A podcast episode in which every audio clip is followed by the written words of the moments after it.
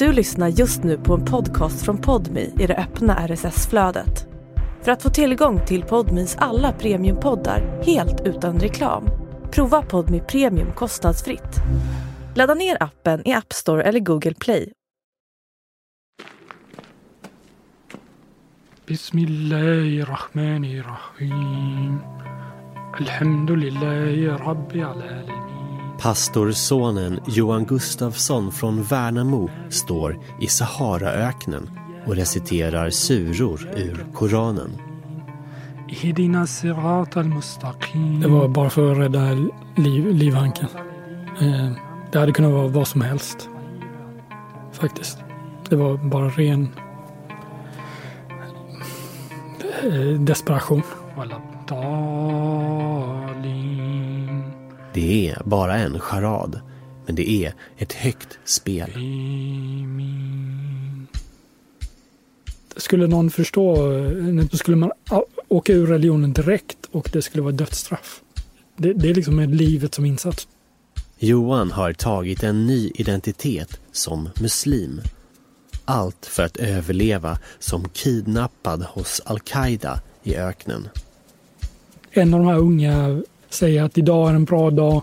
Vi, har, vi sköt en gasell och vi, vi fångade in en kuffar, alltså en icke-troende.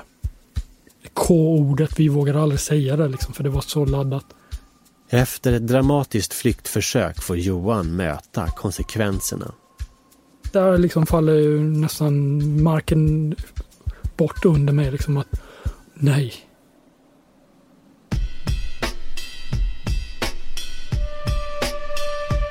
Från Banda för Podmi. Det här är ett dubbelliv. Jag heter Hugo Lavett. Reporter Isabelle Höjman berättar Johan Gustafssons historia.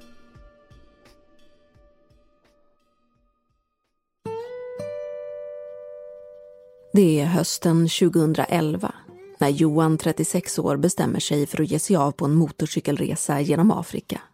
Han har flickvän och jobb i Stockholm, men är lite uttråkad det jobbet som jag hade då, det var inte jätteintressant. Så det var ju ganska enkelt att, eh, att helt enkelt eh, bara avsluta uppdraget och så var jag ju fri att göra vad jag ville.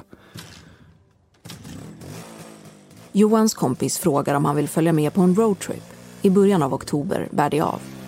Familjen och flickvännen vinkar av Johan.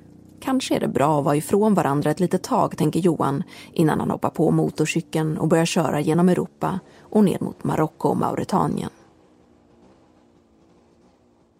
De reser två månader ihop innan de skiljs åt. Johan vill stanna längre och se mer, lära känna platsen och folket. Han är nyfiken. Johan bestämmer sig för att ta vägen genom Mali. Familjen hemma kan följa resan på hans videoblogg. Greetings from Mali. All you people home there in uh, November in Sweden. I suffer with you. This is so fucking nice. Vattenfallet brusar i bakgrunden när Johan tittar in i kameran, blöt och glad från bad och hälsar till kalla november-Sverige. Nästa mål är Timbuktu. Tillsammans med en nyfunnen reskamrat från Sydafrika kör han i mörkret och dammet sent på kvällen. Framför dem lyser baklyktorna från en jeep upp vägen.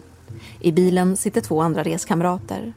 De har kollat upp ett hotell på Lonely Planet och det är bara för motorcyklisterna att följa bilen. Vi kommer ju på alldeles för sent på kvällen. Vi försöker ju alltid undvika att köra på natten.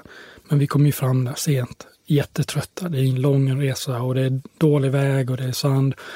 Och jag hade ju tänkt att undvika, eh, skippa det liksom. Eh, Timbuktu fanns ju inte med på planen. Timbuktu är en sandig stad. Solen skiner genom dammet som rörs upp när folk rör sig på gatorna. Johan och hans reskamrater går runt i stan, kikar in på stadens basar. Sen blir hettan för mycket. De bestämmer sig för att ge sig tillbaka till hotellet de andra sitter utanför och pratar eh, när jag går in och, och lägger mig liksom. Vi har käkat lunch och så här.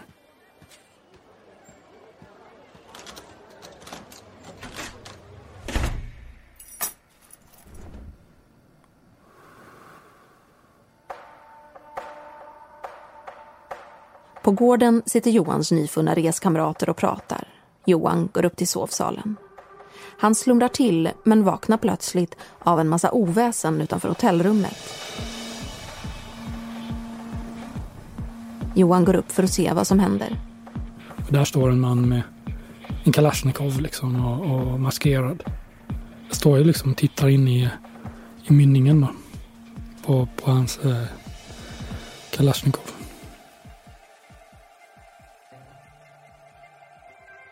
Johan har ett gevär riktat mot sig. Han stirrar rakt in i pipan. Gevärsmannen utanför är bara en tonåring. Han har turban och tygstycket är virat runt huvudet så att det maskerar ansiktet och bara lämnar en liten glipa för ögonen. Men Johan kan ändå tyda en förvåning över att han öppnat dörren. Han var inte beredd på att Johan skulle dyka upp. Han verkar väldigt överrumplad och nästan chockad över att jag kom ut från dörren där helt plötsligt. Eh, så att eh, min instinkt där blir ju liksom att försöka lugna ner situationen. För han ser väldigt skärrad ut. Eh, ehm, så att jag är livrädd att han, han ska krama av avtryckaren där helt enkelt. Så där står vi ett tag. Jag vet inte hur, jag vet inte hur länge vi står där. Nu tar Johans resa en ny vändning men han vet ännu inte att han har år framför sig i öknen. Hade de letat där inne om inte du hade kommit ut? Tveksamt. Det tror jag faktiskt inte. Med geväret riktat mot turisten Johan leder den unga mannen honom genom korridoren, över den tomma gården och ut genom porten. Och där ser jag då först Martin från Tyskland en av Johans reskamrater blir misshandlad mitt framför ögonen på honom. De står och slår på honom. Och sen eh, går, viker vi av liksom, och där står en bil uppställd precis bredvid utgången. Då. Där ligger de andra två resenärerna. Johan kastas upp på flaket där två andra turister ligger. Då hör han en smäll.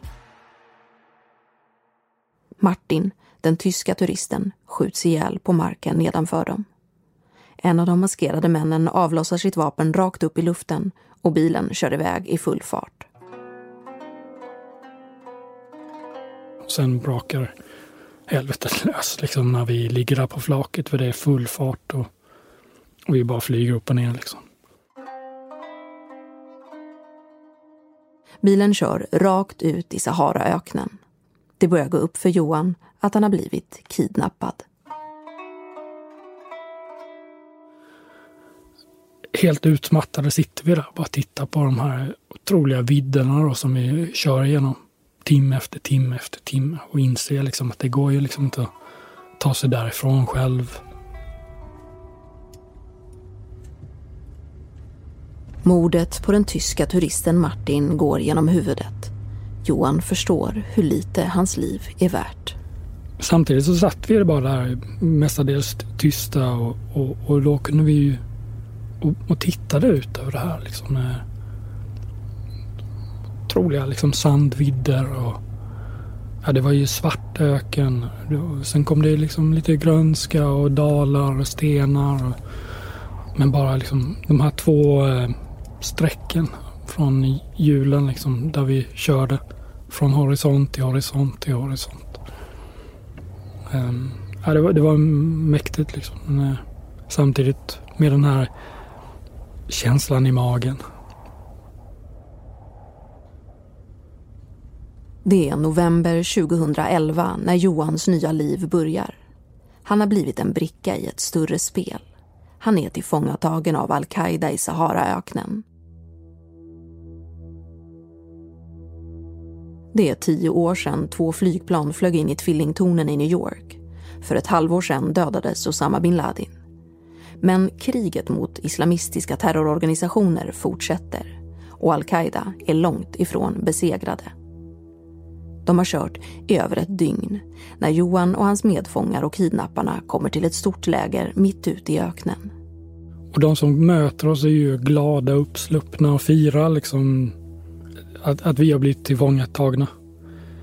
Eh, vi är liksom det är varorna som levereras. Och det känns enormt eh, förnedrande förstås. Kidnappningar är en lukrativ affär för terrororganisationen al-Qaida. Genom kidnappningar och utpressningar drar organisationen in miljontals dollar.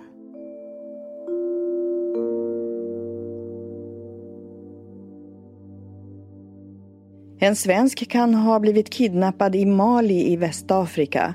Utrikesdepartementet bekräftar att man har fått information om att en av de tre turister som igår fördes bort från ett café i staden Timbuktu ska ha svensk nationalitet. Även svenska ambassaden i Mali har fått de uppgifterna men de har inte kunnat bekräftas. Alltså det var ju, det fanns inte på världskartan. Alltså det var, alltså alla scenarier så hade vi, hade jag inte ens tänkt på det. Eh, så det blev ju riktigt smäll på käften och så pappa ringer ju då till mig en kväll och vi ringer liksom inte och pratar med varandra så mycket. Så när han ringer så blir det liksom en liten... Too tired to clean your floors after playtime? Forgot to vacuum before your friends bring their little ones over? Let Eufy X10 Pro Omni help. Powerful 8000 PA suction removes debris, and MopMaster dual mop pads scrub away stubborn stains with ease.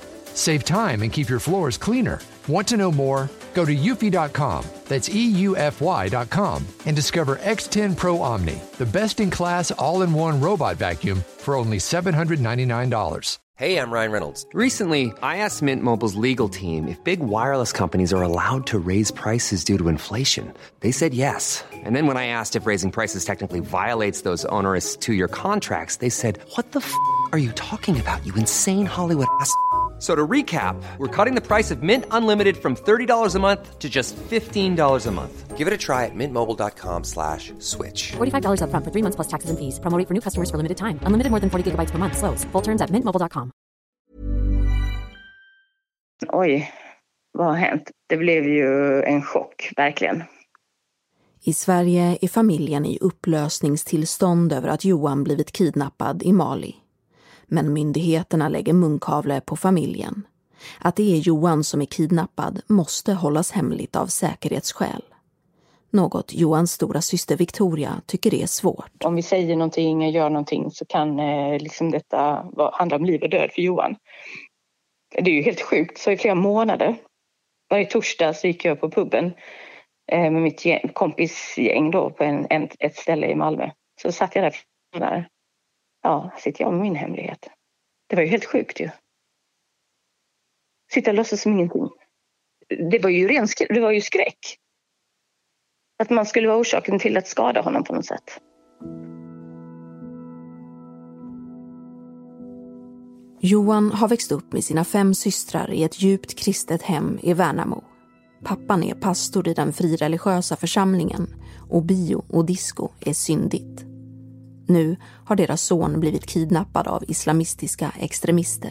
Vi, det, det, skapade ju enorm oro. Så hela natten så gick jag och vandrade fram och tillbaka här eh, och funderade på vad ska vi göra, vad ska vi göra, vad ska vi göra? Ja, vi får åka ner. Ja, mamma och pappa pratar ju inte engelska. Nej, jag får åka ner då. Jag får åka till... Vad ska jag göra i Mali liksom? Johan vet inte om att hans kidnappning har blivit en världsnyhet och att hans familj är utom sig av oro. Han befinner sig i världens största ökenområde som sträcker sig över mer än tio länder. Bland de milsvida sanddynerna har de slagit läger vid en plats med lite växtlighet för att skydda sig från den starka solen. På dagarna får han och hans medfångar röra sig inom lägrets gränser. Vid läggdags kedjar kidnapparna fast honom och medfångarna vid varsitt träd. Holländaren och sydafrikanen gillar att prata. De berättar minnen och delar privata historier.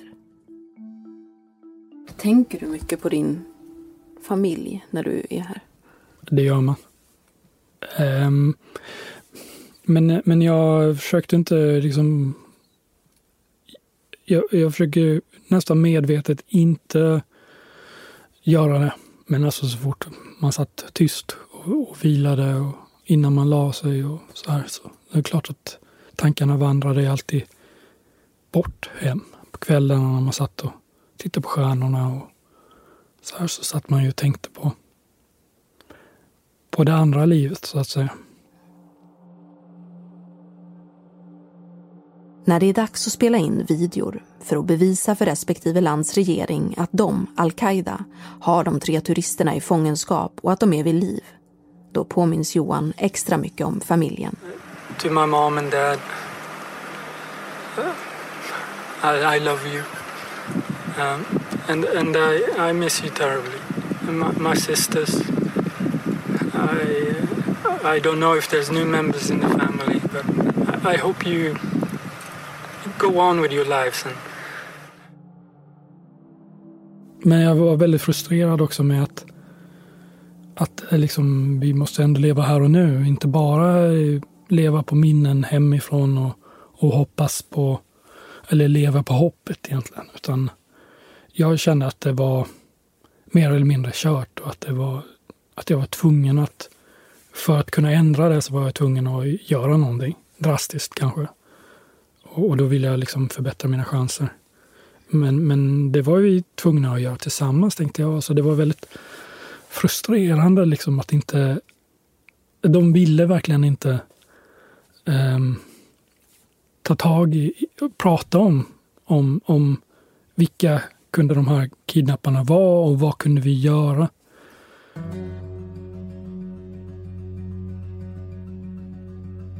En dag kommer några av kidnapparna fram till Johan och hans medfångar för att visa en propagandavideo för al-Qaida. De vill att fångarna ska förstå syftet med deras kamp. Att kidnappning är en del i ett större mål. Att stoppa de västerländska influenserna i den muslimska världen och införa politisk islam.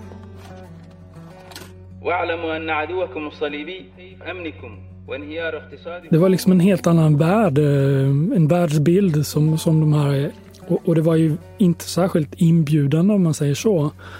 Eh, och, och för mig, det slogs det, det var ju liksom helt befängt att de ens eh, att de försökte liksom. Eh, det var ju mer att de man fick ju en liten förklaring vad de höll på med. Men det var, det var jättekonstigt. En av kidnapparna, som pratar lite engelska, berättar för Johan och hans medfångar om andra kidnappade som konverterat till islam och som frigetts. Och man undrar liksom vad, vad, vad sjukt liksom, vad konstigt. Hur, vad, vad förnedrande liksom. Vad, hur kan man... Det, liksom, jag tror inte på det här ett dugg. Och än mindre, menar, vad har ni gjort mot mig liksom? Varför skulle jag liksom vilja göra det? Men någonstans i Johans undermedvetna planteras ett litet frö. Johan funderar konstant på hur han ska ta sig ur fångenskapen. Han vill fly. Men tiden håller på att rinna ut. När sommaren och den extrema värmen kommer är det omöjligt att ge sig ut i öknen. Alltså det här är ju i mars. Hela, och det är redan för varmt. Mars, april, maj, juni, juli, augusti. Kommer man ens överleva sommaren? Um, jag måste göra någonting. Och någonting var ju då att uh, konvertera och se vad som skulle hända. Johan Gustafsson, pastorsonen från Värnamo, har fått en idé. Han har aldrig liksom varit religiöst intresserad eller andlig på något sätt. Johan må vara uppvuxen i ett strikt religiöst hem, men själv har han aldrig varit religiös. Han gjorde tidigt uppror mot familjen och frikyrkan. Han lämnade kristendomen och blev aktivt ateist. Hans syster Victoria minns hur han argumenterade mot Bibeln. Johan är mer så här intellektuell och försökte sätta Liksom, hur förklarar du det? Att man går på vattnet och liksom lite så intellektualiserat. Nej, men det, det, det, hade, det hade överraskat mig väldigt mycket om han hade blivit religiös. Han, han är inte den typen liksom. Valet att inte vara med i det kyrkliga livet har gett upphov till stora konflikter i hemmet och skapat en känsla av misslyckande hos pappan som är pastor i församlingen. Men nu, i fångenskap hos al-Qaida i Saharaöknen, är Johan beredd att bli religiös.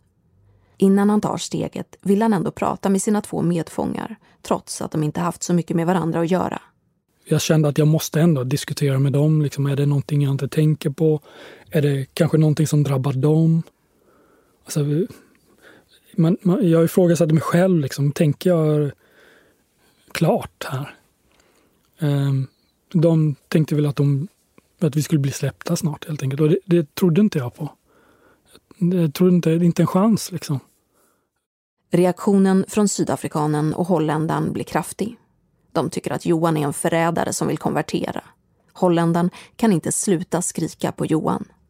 Kidnapparna undrar vad som pågår och kedjar fast honom vid ett träd. Fiendeskapet är ett faktum.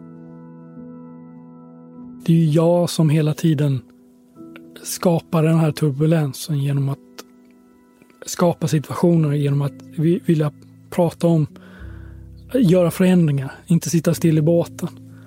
Så, så att jag känner ju en väldigt stor skuld liksom också att, att, för att det blir de här konflikterna. Men jag känner mig också tvingad liksom att, att göra de här sakerna. Men då är det, jag menar, han kommer ju skylla det på mig liksom och vara kedjad ett ganska så hårt straff. Sitta still eh, på en varm plats, kedja, det, det, det är hårt. Det går en vecka från att Johan får idén till att han går fram till lägrets imam och säger att han vill bli muslim. Det var ingen stor grej för honom, så han gick iväg. Vi gick iväg en liten bit och så, så sa han liksom på arabiska trosbekännelsen. Och jag härmade honom. Så gott jag kunde. Jag visste inte det. Jag visste väl att det var, jag hörde ju Muhammed. och så här. Så det, jag hade väl någon gång förstått liksom när det finns ingen gud utan Gud. Och Muhammed är hans profet. Och det sa vi ett par gånger. Och sen eh, fick jag en hink med vatten som jag skulle skölja bort mina gamla synder och bli den här nya personen. Johan har inte tvättat sig på länge och tar tillfället i akt att inte bara skölja bort synderna utan även smutsen. Johan och imamen går därifrån hand i hand. Ryktet om konverteringen sprids bland kidnapparna och kidnapparna möter honom med leenden och hälsningsfraser. Masha Allah, ahlan bika fi hada din al-azim. Allah yasabtak ala din al-islam ya akhi.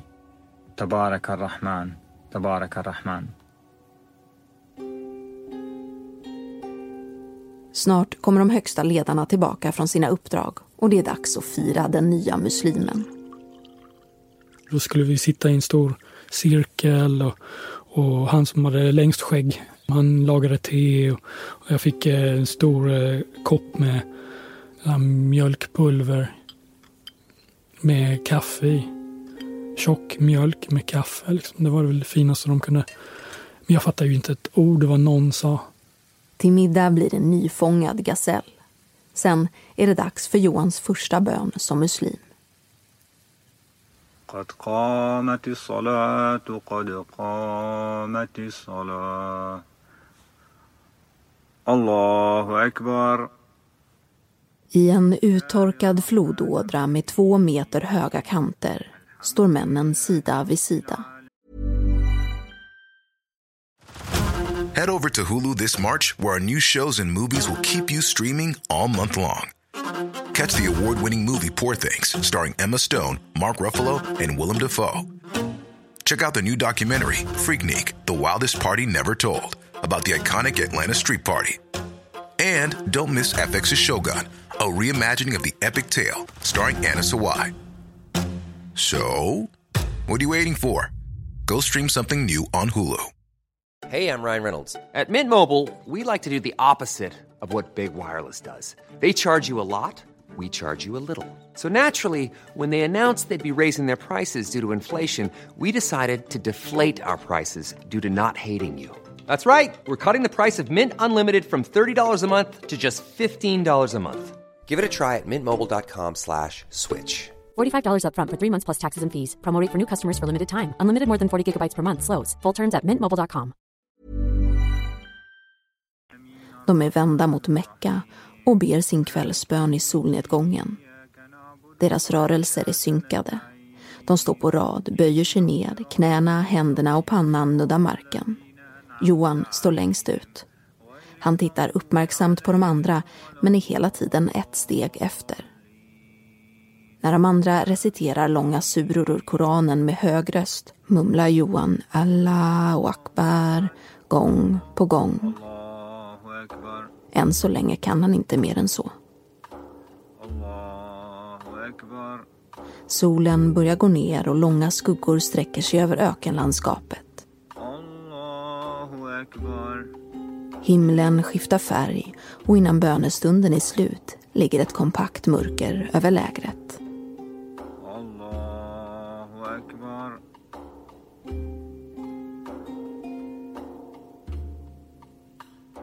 Nu börjar dubbellivet. I morse hette han Johan. När han går och lägger sig den här natten gör han det med en ny identitet. Mose. Ett namn han fick välja själv. Det finns en kille i lägret som heter Abu Mose. Och då tänkte jag, då kan jag väl heta Mose då. Moses fattar jag ju liksom att det, det är Moses, han med båten. Och det låter som mus. så att jag kommer från Sverige så det känns, känns ändå lite sådär, lite Sverige ändå. Och så då blir jag Mose. Som tydligen är den tredje bästa profeten. Så jag blir inte, jag blir inte Muhammed, jag blir inte Ibrahim, utan jag blir Mose. Nummer tre. Helt okej. Okay. För muslimen Mose är vänsterhanden smutsig och allt görs med höger. En utmaning för Johan. Det hela första månaden är ju en, ett stålbad i att, att bara anpassa sig. Liksom. Att bete sig som de gör. Att eh, använda högerhanden hela tiden. Att eh, aldrig täcka eh, anklarna. Jag får rulla upp byxorna. Då. Mina byxor är för långa. Så till slut klipper jag av dem. Liksom. Utskällningar och höga röster blir vardag i det nya livet som Mose. Johan förstår inte vad han gör fel eller hur han ska göra rätt. Gång på gång hädar han islam utan att veta om det. Motivationen är att överleva och Johan gör allt för att vara Mose. Och jag hör ju inte ens hur jag säger någonting fel. Jag tycker jag säger exakt likadant, men det är ändå fel. Mose försöker radera bort alla spår av Johan. Han vill inte påminna dem om fången Johan. Han försöker lära sig de viktigaste surorna och deltar i lektionerna för de allra yngsta och för de som inte kan läsa och skriva. Livet som Mose är tufft, men han får allt fler fördelar. Efter att ha rört sig inom ett minimalt område under månader får han promenera fritt flera kilometer. Han slipper bli kedjad på nätterna och får tillgång till mer vatten och även mjölk. Johan kämpar på med det arabiska alfabetet för att kunna läsa Koranen och påminns om barndomen i Värnamo. Jag trodde ju att jag var färdig med det. Liksom. Så det var ju på något vis ja, det är märkligt liksom att tvingas till det en gång till. Enormt tråkiga texter och det tycker jag Bibeln är också faktiskt. För att bli trovärdig i rollen som islamistisk extremist skapar pastorsonen Johan en strategi försöka få inlevelse i det. Så det ser ut som jag verkligen ville till himlen och så är jag inte så liksom ledsen ut varenda gång. Jo, visst vill jag komma till Jenna. Men, och då tänkte jag liksom att om jag tänker på Sverige, att jag vill komma till, till himlen, liksom att det är Sverige, då kan man väl se glad ut, alltså på riktigt. Och, och jag såg ju inte mig som muslim någonsin. Liksom, det, det, var ju, det blir ju mer liksom som den om det var liksom att jag försökte leva mig in i det och göra saker, blev det med tiden väldigt mycket enklare. En månad efter att Johan konverterat kommer den största utmaningen hittills i livet som Mose. Hans medfångar ser fördelarna och bestämmer sig också för att konvertera. Men Johan tycker inte att de anstränger sig tillräckligt i sina nya roller. Min tanke är att jag måste liksom köra det här racet nu. Det kan inte vara... Jag kan inte liksom fuska. För det kommer folk... Vi lever så intensivt in på varandra hela tiden. Så att det blir ganska klart för mig att det går inte att fuska som, som då Chuck gör. Holländaren Jacques vill inte att Johan kallar honom för hans nya muslimska namn Ibrahim. Vilket vore naturligt inför kidnapparna, nu när han konverterat. Eh, så det blir väldigt ansträngande då att jag måste ändå köra på jag förklarar för honom många gånger så här att jag kan inte kalla dig Chuck. Jag måste kalla dig Ibrahim. Alltså det, de kommer ju höra det. De kommer ju fatta det. Då blir det så platt och uppenbart. Jag kommer inte ändra min karaktär. Jag kör det här. Jag är Mose. Kalla mig Mose, kalla mig inget annat. Johan vill bara bli kallad Mose. Efter en tid vänjer sig även de nya konvertiterna vid sina muslimska namn. Chuck, Steve och Johan är namn som inte kommer nämnas på många år framöver. Även om du går in i den här rollen och du vet att det är en roll, du gör det inte med hjärtat, det är uttänkt. Hur gör du för att inte tappa Johan? Johan finns alltid där.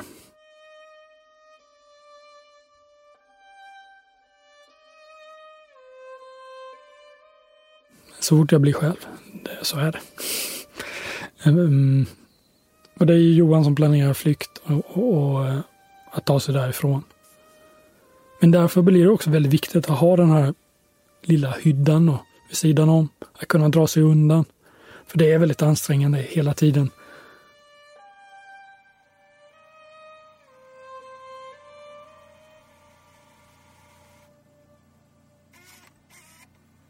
Det är dags att spela in en video igen. Johan och hans medfångar sitter på knä i sanden. Bakom dem står kidnapparna med kalasjnikovs i händerna. Deras ansikten är utanför bild. My name is uh, Johan Gustafsson. I'm still in captivity by Al-Qaida Islamic Maghreb. Johan behöver inte längre be för sitt liv i videorna. Ett tecken på att dubbellivet fungerar. Systern Victoria tittar noga på filmerna eh, varje film var... Eh, alltså, vad ska jag säga? Varje film var både en lättnad och också en jätteskräck att få se någonting som skulle sitta kvar på min näthinna som jag inte kan göra någonting åt.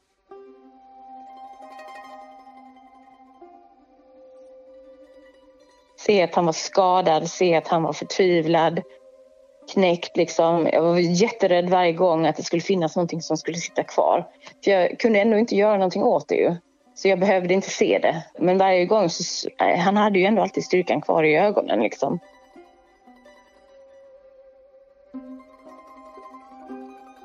Blir du någonsin oroad att han ska bli påverkad? Nej. Aldrig. Och jag vet ju också att han, han är inte han, han, han är inte andligt lagd, liksom. han är ingen sökare på det sättet. Och han är väldigt intellekt, alltså sådär svartvit ingenjörstänk liksom. Alltså det, det, Johan-livet var ju ganska hemskt innan konverteringen. Så på det viset så är ju livet som Mose mer bekvämt. För Johan har ju då plötsligt mycket större tillgång till vatten, till bilarna, till mat och information. Och vilka de är och vad de gör. Tiden går och Johan blir allt mer bekväm i rollen som Mose. När det är dags för bön behöver de äldre männen knappt korrigera honom längre. Händerna ligger i rätt vinkel och höjd och eftersom han lärt sig alfabetet kan han läsa hela Koranen och recitera flera suror. Men när Mose går in i sin koja tar han av sig turbanen och sin tröja. Där sitter nu Johan, den svenska turisten, i sin Stockholm halvmaraton t-shirt. Då, då är jag ju liksom mig själv. Satt med, med mina tabeller och grejer. Sydde. I hemlighet har Johan börjat sy en ryggsäck av en militärjacka. Han gör en boll av strumpor och broderar en stjärnhimmel på det mörkblå tyget. Himlakropparna ska hjälpa honom att hitta rätt riktning. Efter ett år som Mose är det dags att skörda frukten av dubbellivet. Johan ska fly. Ja, det, det är så läskigt. Det är så otäckt. Så man, så jag har verkligen, eh, från året innan, jag vågar inte fly. Så eh, nu har jag verkligen brutit ner det i minsta beståndsdel. Alla saker som jag behöver göra. Var gång jag behöver gå och hämta vatten. Och, och till slut gräva ner det en bit bort. Och, och i väskan och, väskan och vattnet ligger nedgrävt. Och alla de här små pinalerna som jag har gjort. Det är ingen som märker något. Jag kan gå runt och pyssla förbereda min flykt helt enkelt. Timingen är bra. Kidnapparna är fullt upptagna med att förbereda sig för kriget som kommer allt närmre. Över lägret dånar franska stridsplan som är ute efter terrorgruppen.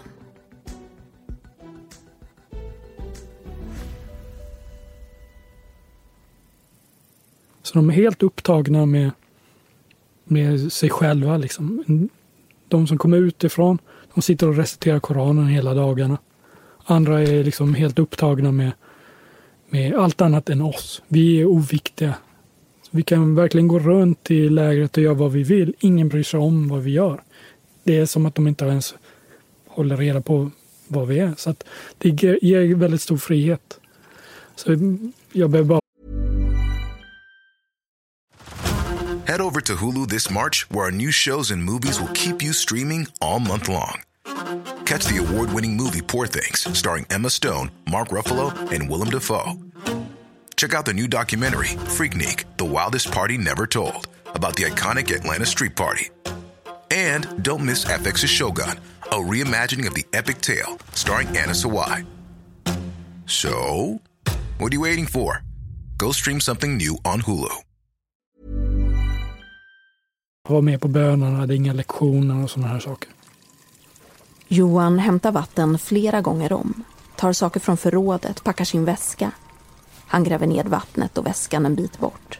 Nu är det dags. Efter sista bönen så sitter jag, går jag iväg från min sovplats. Där har jag ju lagt saker så det ser ut som jag sover. Sen kan jag gå iväg. Ett bultande hjärta Så går jag iväg mitt i natten. Och då är jag Johan.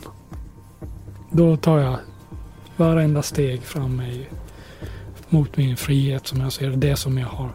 Det är så mycket uppdämt alltså. Jag har så mycket kraft alltså. Och är villig att gå tills jag inte kan ta fler steg alltså. Han tar sig obemärkt ut ur lägret i skyddet av mörkret fortsätter Johan gå genom Saharaöknen och följer stjärnhimlen. Det är kallt och gör ont i fötterna. Efter flera timmar börjar solen leta sig upp och det är dags att vila. Han får inte svettas och förlora vätska. Han lägger sig under en buske. Sen är det dags att gå igen. Men även om det är Johan som går mot sin frihet så kan han inte skaka av sig Mose. Trots att ingen är i sikte så känner han sig konstant övervakad. Jag har den här dilemmat där och ska be när jag är på flykt. Eh, liksom, tänk om de ser mig. Jag skippar bönen några gånger. Första gången på ett år nästan. Men någon gång ber jag ändå liksom när det är bekvämt. Det kanske är det här som är testet liksom. Har ändå koll på mig.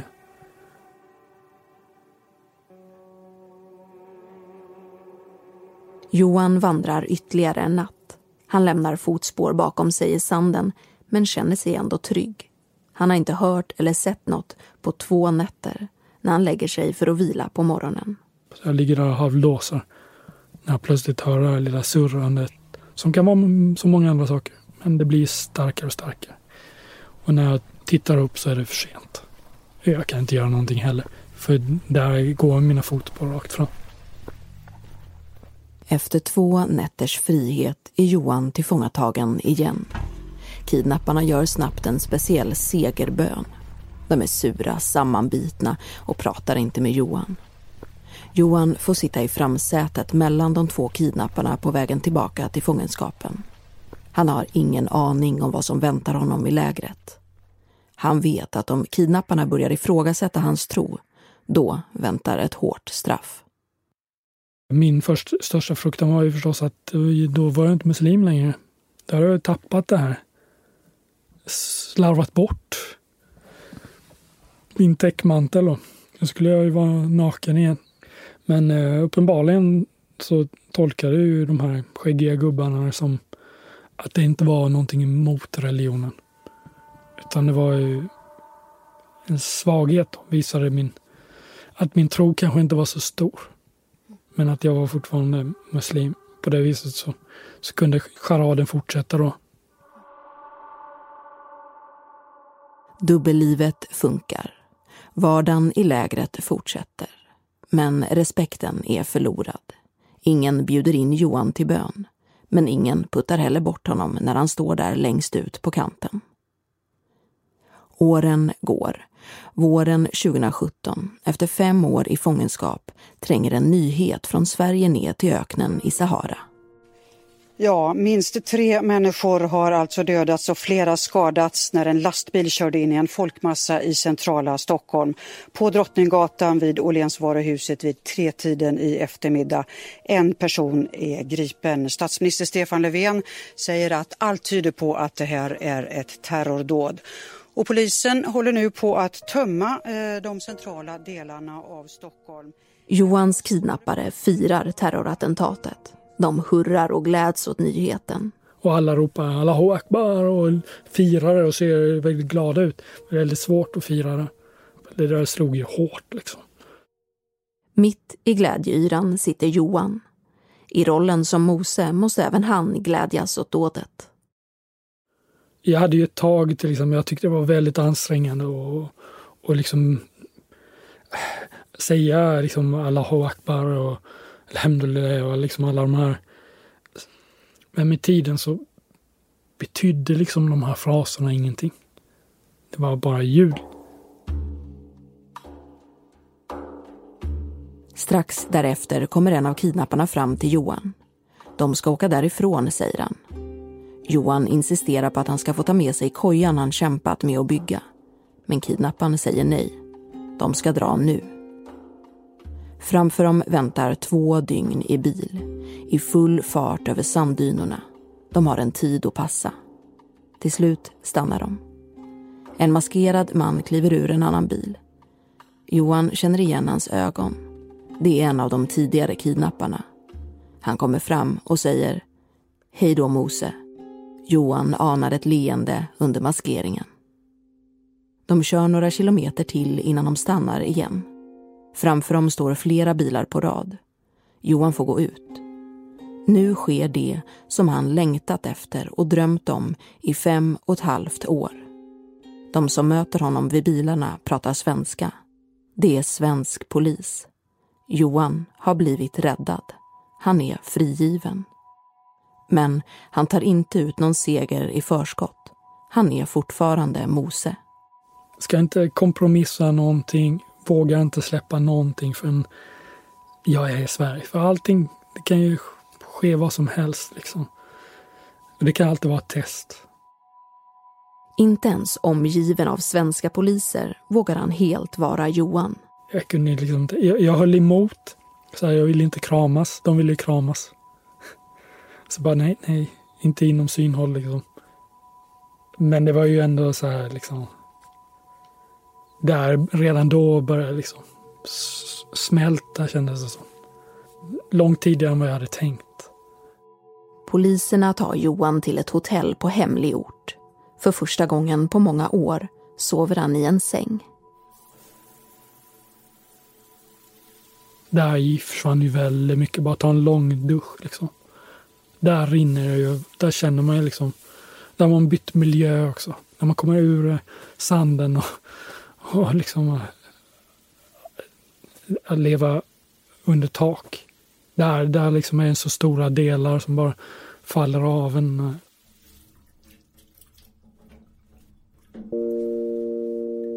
Här är Dagens Eko kvart i fem. Kidnappade Johan Gustafsson fri igen. Han kidnappades i Mali 2011 av en lokal al-Qaida-grupp. Väl i Sverige är det en skäggig man som tas emot på Arlanda av sin familj och ett stort mediauppbåd.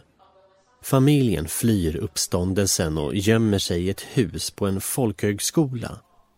Det är högsommar och Johan och syskonbarnen samlas på gräsmattan tillsammans med en sax för att klippa av skägget. Han har sparat det tills nu, i rädsla för att kidnapparna ska upptäcka att Mose var ett dubbelliv. Skägget symboliserar väldigt mycket det här, för vi klippte det ju liksom gradvis. Så, så eh, syskonbarnen tog ju en stor tofs liksom så här. Och sen blev det trimmade liksom. Det blev kortare och till slut hade jag lite skäggstubb bara. Och till slut så var, det ju, var jag ju rakad liksom. Men det var ju nog något år efter. Livet som muslimen Mose i Saharaöknen har satt sina spår. När jag dricker någonting så är det bara bismill. Liksom. Det, det kommer automatiskt. Innan han äter mat, innan han dricker, innan han sätter på sig strumporna säger han Bismillah i Guds namn på arabiska. Och det där med höger och vänster som var så avgörande för att vara trovärdig som Mose i lägret sitter kvar. Jag rör ju ingenting med vänsterhanden liksom som är... Jag gör allt höger. Går, går liksom över trösklar med höger fot och går ut från, med vänster fot. Samtidigt som jag säger små ramsor och grejer. Bara kommer av sig själv. Liksom det, det är jättekonstigt. Jag får intala mig själv att inte göra det. Och det fortsätter i flera veckor. Han pratade väldigt märkligt första, första tiden. Det var ju inte så många kidnappare som pratade engelska heller. Så då eh, har han ju använt sig av hela kroppen när han har pratat. Vet du. Pratade med hela kroppen och hela ansiktet liksom, så att han skulle på något sätt visa vad han sa. Det var helt speciellt alltså. Idag har det gått över 11 år sedan Johan Gustafsson lämnade Sverige för en roadtrip genom Afrika. Efter hemkomsten fick han tillbaka sitt gamla jobb som ingenjör på ett konsultbolag. Han har även hittat tillbaka till sin flickvän som han vinkar av på Arlanda. Tillsammans har de nu en son på två år. Mose är långt bort, men dyker upp ibland. Jag sätter på min son, så det är alltid höger arm och sen vänster. Och det är lite omedvetet, men det blir så. Liksom. Det är nästan irriterande. Liksom, jag kanske borde göra tvärtom. Men det blir så. Sätta på höger och sen vänster och så tar vi av oss vänster och sen höger.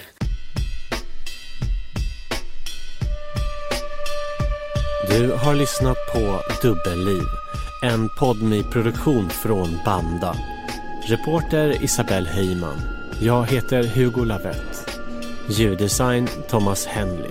Slutmix Axel Rickert Berkemar. Exekutiv producent hos Podmi är Sofia Neves.